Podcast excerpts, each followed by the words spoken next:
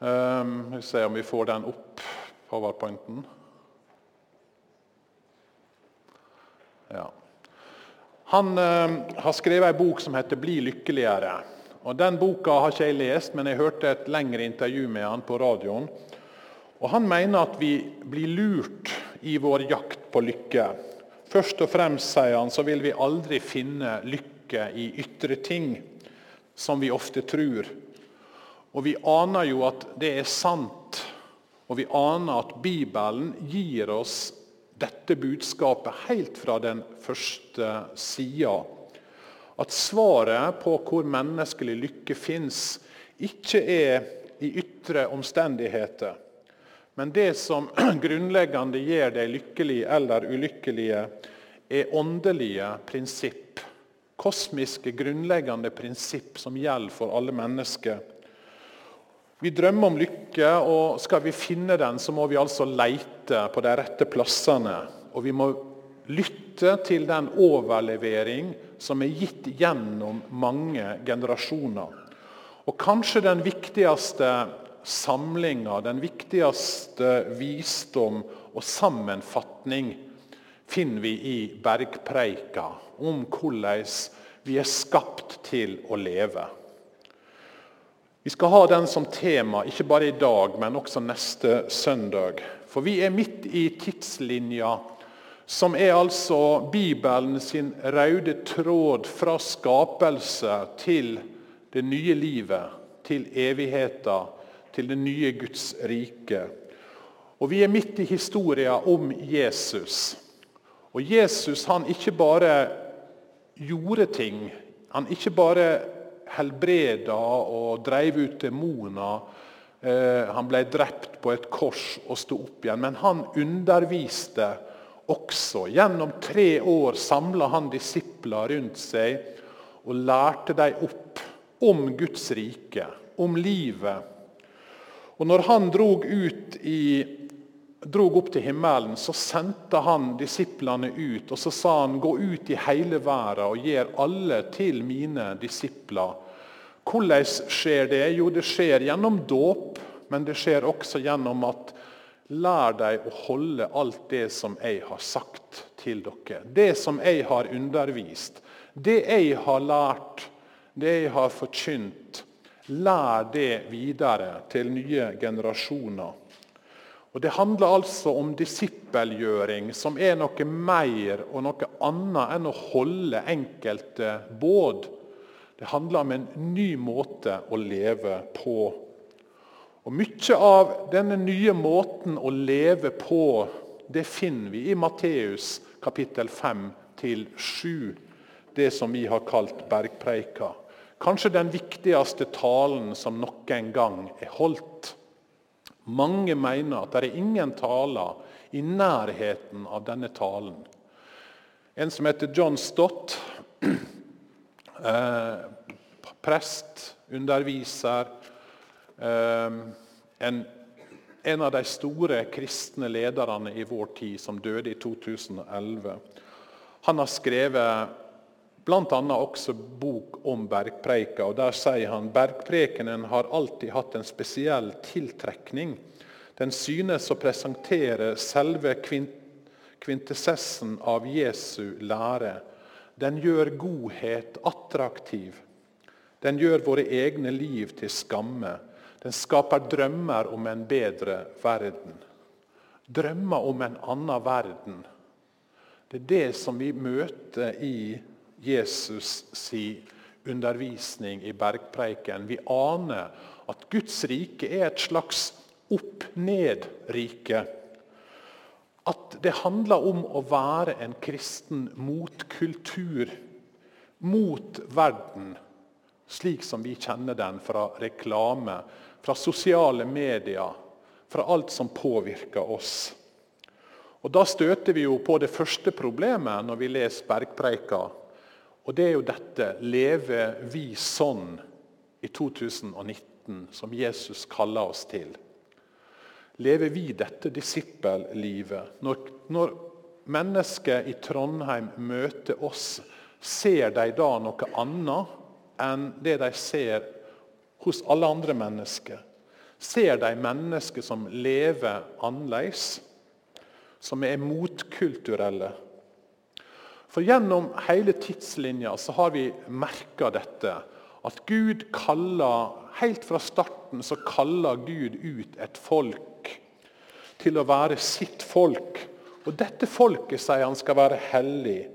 Ikke i betydninga perfekte, men hellig i betydninga utskilt, annerledes enn alle andre folk rundt deg. Et folk som skal tilhøre han og lyde han. Det er snakk om å være et annerledes folk. I 3. Mosebok sier Gud til Moses.: Tal til israelittene og si dem:" Jeg er Herren deres Gud. Dere skal ikke gjøre som de gjør i Egypt, det landet dere har bodd i, eller som de gjør i Kanan, det landet jeg fører dere til. Dere skal ikke de, følge deres forskrifter. Mine lover skal dere holde, og mine forskrifter skal dere akte på så dere følger dem. Jeg er Herren deres Gud. Ikke sånn som egypterne, sier han. Ikke lev sånn. Ikke lev sånn som de som er i Kanan, det landet dere er på vei til. Lev som et annerledes folk, som mitt folk. Gang på gang så glemte israelittene dette. Det har vi jo hørt i, i tidslinja som vi har vært igjennom. Det står at de blanda seg med andre folk og lærte å gjøre som dem. Og I Esekiel kapittel 20 så hører vi de si vi vil være som andre folk. Vi vil dyrke stokk og stein. Stadig vekk vendte de seg fra Gud til å dyrke andre ting, andre guder. Hva var årsaken til det som vi leste om, nemlig at Nordriket i Israel falt i 722 før Kristus? da asyrerne erobra Samaria? Jo, sier Gud, slik gikk det fordi israelittene hadde syndet mot Herren sin Gud, han som førte dem opp fra Egypt og fridde dem fra egypterkongen faraos makt. De fryktet andre guder og fulgte skikkene hos de folkene som Herren hadde drevet ut for israelittene, og de gjorde som kongene deres hadde gjort. Gud sier de valgte å følge og leve sånn som folka rundt seg. Og Det er på denne bakgrunnen vi møter Jesus sin forkynnelse. Når han står fram, så forkynner han 'Vend om, for himmelriket er kommet nær'. Jesus sier et nytt rike, et annerledes rike, har kommet midt iblant dere. Vend om. Og hva denne omvendelsen består i, det beskriver altså Jesus i bergpreika. Det nye livet, det annerledes livet, som ikke er sånn som alle andre. John Stott, I sin bok om bergpreika så sier han at nøkkelen til hele bergpreika finner han i kapittel 6, vers 8. Og Der står det Vær ikke lik dem. Vær ikke lik dem. Og hva er det Jesus kontrasterer? Jo, han sier ikke vær som hedningene, men heller ikke som de religiøse. Hedningene, sier han, elsker hverandre, men dere skal elske dere fiender. Hedningene ramser opp masse ord når de skal be. Men dere skal være annerledes. Dere skal be til en far i himmelen som veit hva dere trenger. Hedningene er opptatt av sine behov, materielle behov. Men dere, sier Jesus, skal søke først Guds rike og hans rettferdighet. Vær ikke lik deg, sier John Stott, er fokuset i bergpreika. Og Den viser også kontrasten mellom kristendom og religioner ikke etiske spissfindigheter eller en hyklersk fromhet, men en djupere moral og en annerledes gudsdyrkelse. Og Vi ser altså dette helt fra begynnelsen i bergpreika. Nå skal vi lese det som er dagens tekst, nemlig fra vers 1 i Matteus 5. Da Jesus så folkemengden, gikk han opp i fjellet. Der satte han seg. Disiplene samlet seg om han. Han tok til orde og lærte dem. Salige er de som er fattige i ånden, for himmelriket er deres. Salige er de som sørger, for de skal trøstes. Salige er de ydmyke, for de skal arve jorden. Salige er de som hungrer og tørster etter rettferdigheten, for de skal mettes. Salige er de barmhjertige, for de skal få barmhjertighet. Salige er de rene av hjerte, for de skal se Gud. Salige er de som skaper fred, for de skal kalles Guds barn. Salige er de som blir forfulgt for rettferdighets skyld, for himmelriket er deres. Ja, salige er dere når de for min skyld håner og forfølger dere, lyver og snakker ondt om dere på alle vis. Gled og fryd dere, for stor er lønnen dere har i himmelen. Slik forfulgte de også profetene før dere. Jesus går opp på et fjell. Det er derfor vi kaller det for bergpreika. Akkurat sånn som Moses en gang gikk opp på et fjell på Sinai og kom ned igjen med Guds forskrifter, Guds tanker, Guds bud, Guds gode vilje for våre liv slik går altså Jesus opp på fjellet. Men i motsetning til Moses så kommer ikke han med budskap fra Gud, men han kommer med budskap fra seg sjøl. Jeg sier dere, dere har hørt det er sagt, sier han flere ganger, men jeg sier dere, han er Gud. Og så deler han Guds rikets eh, lover, Guds rikets vilje, Guds gode vilje. Og Det han kommer med, det er både nytt og samtidig er det noe kjent med dette her, som vi nettopp har lest. De har jo på en måte hørt dette før, men det er som om Jesus på en måte formidler at dette faktisk virkelig skjer. Dette er virkelig mulig. Og Det står når Jesus hadde forkynt og undervist, så var de slått av undring over forkynnelsen hans. Men særlig i Jesaja og i salmene så møter vi disse temaene som vi har hørt her før. Nemlig at folk som er forakta, som er fattige, som er i nød, setter sin lit til Gud. Han som er enkers og farløses Gud. Han som er Gud for de syke, de fattige, de elendige. Herren er nær hos dem som har et nedbrutt hjerte. Han frelser dem som har en knust ånd, står det i Salme 34. Herren leger dem som har et knust hjerte, og forbinder sårene deres. Et tema vi har møtt gjennom hele tidslinja. Gud står de stolte imot, men han gir de ydmyke nåde. Oppreisning, nytt liv. Gud står de mektige og store imot, men han løfta opp de små. Slik som Maria lovpriste Gud i den salmen eller den sangen som vi nettopp har delt sammen. Og Jesus han understreker og tydeliggjør dette her.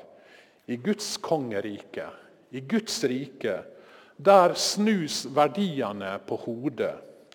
Den er salig, som er fattig i ånden, sørgende, nedbøyd hungrig og tørstig etter rettferdighet.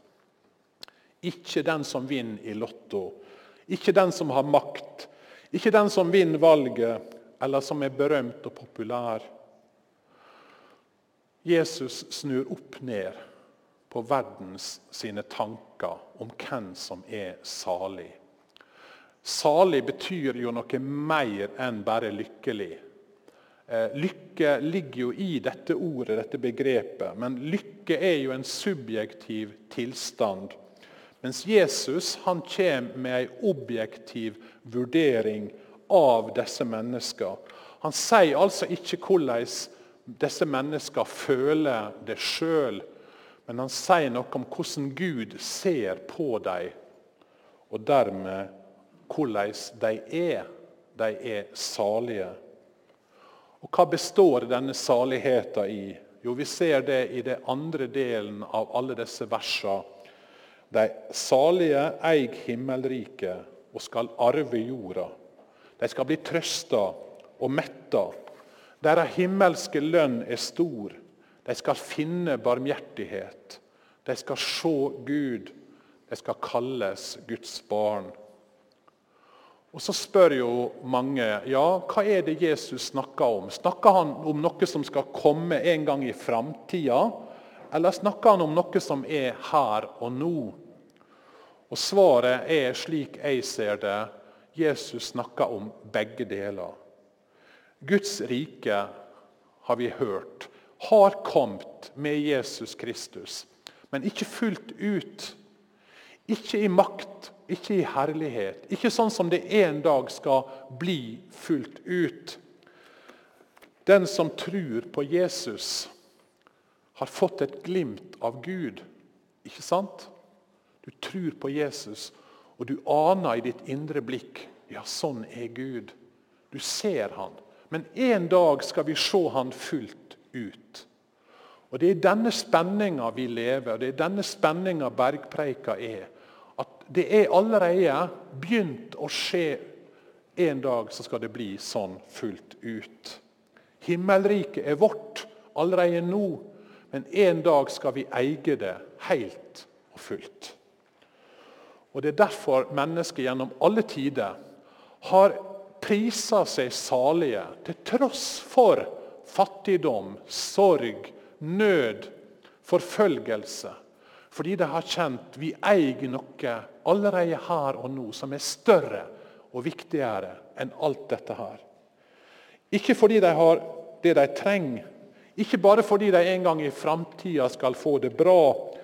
Nei, de kjenner og de vet jeg er salig midt i motgangen og midt i prøvelsene. Og Det er nettopp evangeliet.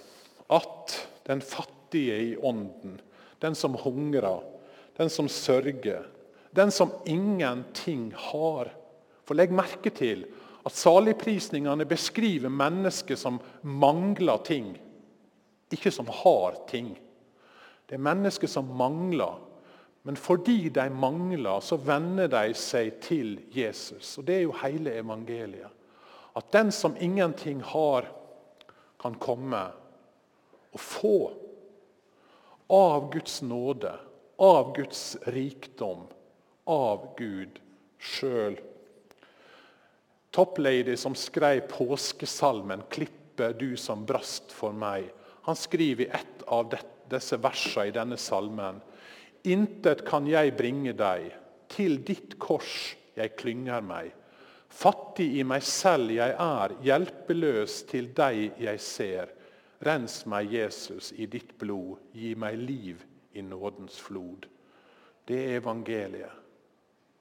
Du som ikke har noe å komme med, som ikke har noe å bidra med. Som kjenner at du er fattig i deg sjøl, og kanskje fattig på andre måter. Du får komme til Jesu kors. John Stott sier det slik når han siterer dette verset her. Slik taler den fattige i ånden. Vårt sted er ved siden av tolleren i Jesu lignelse. Han ropte med nedslåtte øyne, Gud vær meg synder nådig.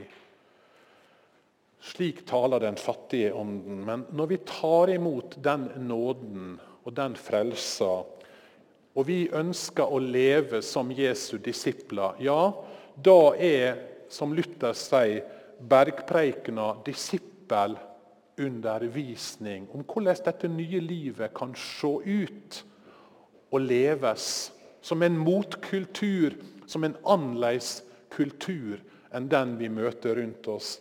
Luther sier at bergpreika forteller oss ikke noe om hvordan vi blir kristne, men den taler kun om den frukt som Den hellige ånd ønsker og kan skape i våre liv.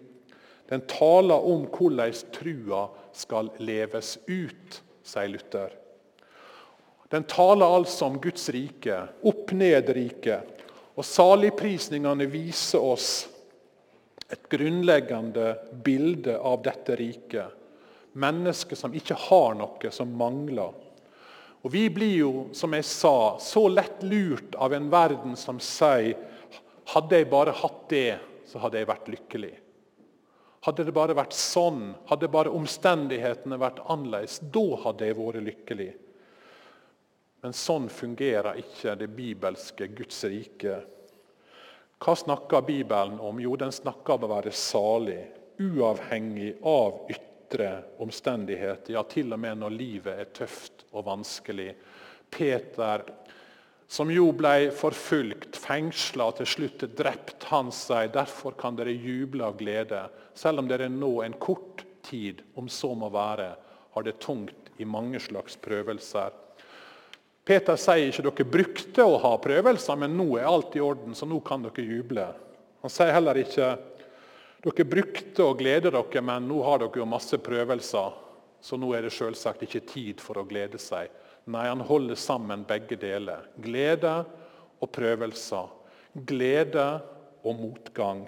Fordi du finner salighet og glede en annen plass. Og Derfor slutter jo Jesus saligprisningene også med nettopp dette. Ja, salig er dere. Han snakker til sine disipler i denne talen. Bergpreika er disippelundervisning. Han sier 'salig er dere', de som sitter rundt ham når, dere, når de for min skyld håner og forfølger dere, lyver og snakker ondt om dere på alle måter. Bonhoeffer, den tyske presten som jo ble fengsla og drept under andre verdenskrig, han har jo skrevet en fantastisk bok om etterfølgelse, som nettopp er en bok om bergpreika. Han anbefales, sammen med John Stott sin kommentar også til bergpreika. Men han sier da lidelse er tegnet på sant disippelskap. Disippelen står ikke over sin mester. Å følge etter Kristus betyr passio passiva, lidelse fordi vi må lide. Disippelskap innebærer tilslutning til den lidende Kristus. Og Det er derfor det ikke er det minste overraskende at kristne skulle bli kalt til å lide. Det er faktisk en glede og et bevis på Hans nåde sier han som sjøl måtte lide fordi han sto i kampen for rettferdighet, for fred, under den andre verdenskrig. Og Jeg skal sitere John Stott, det siste sitatet, men jeg syns han oppsummerer dette her på en fantastisk måte. Verden, sier han, anser de rike for å være velsignet, ikke de fattige, verken i den åndelige eller materielle sfære. Den anser de glade og bekymringsløse for å være velsignet, ikke de som tar ondskapen så alvorlig at de sørger over den. Verden anser de sterke og skruppelløse for å være velsignet, ikke de ydmyke og milde. Den anser de mette for å være velsignet, ikke de sultne. Verden anerkjenner de som passer sine egne saker, ikke de som blander seg inn i andres liv og bruker tiden på å vise barmhjertighet eller stifte fred. Ser dere Gud kaller oss til et annerledes rike? Et opp-ned-rike? Og Når vi tenker oss om, og jo eldre jeg blir, så ser jeg jo at Jesus har jo rett. Ikke sant? Han har jo rett. Det er jo dette som er det sanne riket som vi er skapt til. Vi vet jo at det, de suksessfulle folka vi leser om på media og ser på TV, ikke er lykkelige. Tvert imot. Jeg leste om Madonna, som jo er kanskje den mest kjente, rike og berømte, en av de absolutt på toppen i verden. Hun sa hun ikke bare er sjøl ulykkelig, men hun kjenner ikke en eneste lykkelig person.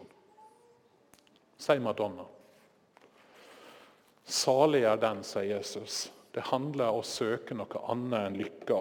Vi vil ha alt det andre, men Jesus i bergpreika snur fokus og sier 'søk først'. Guds rike og hans rettferdighet. Søk din egen lykke, det vil alltid ødelegge deg. For de ytre omstendighetene vil alltid komme. Om ikke så før du blir syk og før du dør, så vil de ytre omstendighetene komme og rive ned det grunnlaget. Jesus som vet noe verden ikke vet, han som har skapt oss og som elsker oss, han kommer til oss med en invitasjon i bergpreika til å leve et annerledes liv. I et opp-ned-rike. Han kaller oss som tror på Han, til å være annerledes mennesker. Et annerledes fellesskap som følger Han. som har Han som Herre og Frelser.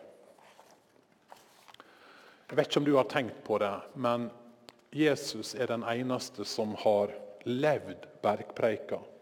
Den eneste som har oppfylt saligprisningene. Salige er de miskunnsomme, for de skal få miskunn. Jesus var miskunnsom, men han ble fordømt. Han ble korsfesta. Salige er de rene av hjerte, de skal se Gud. Jesus var ren i hjertet, men han opplevde på korset og måtte rope ut 'Min Gud, min Gud, hvorfor har du forlatt meg?' I den mørkeste stunda så, så han ikke Gud, han som var den reine av hjerte. Salige er de ydmyke, de skal arve jorden. Jesus var ydmyk, mer enn noen, men han mista alt. Salige er de som hungrer og tørster etter rettferdighet. Ingen har hungra og tørsta mer etter rettferdighet enn Jesus. Men han ble ikke metta. Og da han hang på korset og lei, så ropte han ut 'Jeg tørsta'. Han mista alt for at vi skulle eie det som han gir. Så vi skulle se Gud, og vi skulle få miskunn. 'Jeg har oppfylt bergpreika', sier Jesus. Og når du tror på meg, det jeg fortjener, det får du. Og Det er det Luther kaller for det salige byttet. Når han skal prøve å beskrive hva er evangeliet, så sier han det er at vi får gi Jesus alt vårt. Vår synd, vår nederlag Alt som vi har svikta med, alt som vi har feila med, alt som ikke vi får til. Og så gir Jesus oss alt sitt. Det er det salige byttet. Og Det å komme til Jesus, ja, det er å få del i dette her. Det er virkelig salighet. La oss be. Jesus, du kom du ga avkall på alt for at vi skulle få eie din rikdom. Alt det gode som du har gitt oss. Nåde, frelse, miskunn. For at vi skulle få se Gud, få kalles Guds barn. Jeg takker deg for denne frelsa. Så ber jeg om at du skal kalle oss til et nytt liv. At vi ser det nye livet i ditt annerledes rike vi lever det. At ikke vi blir lurt av denne verden som får oss til å tro at lykka fins andre plasser. Og Jeg ber om at vi skal få være en menighet her i Trondheim frikirke. Et annerledes folk. Når verden ser, så ser de noe annerledes enn det de ser ellers. Jeg ber om det i ditt navn, Jesus. Amen.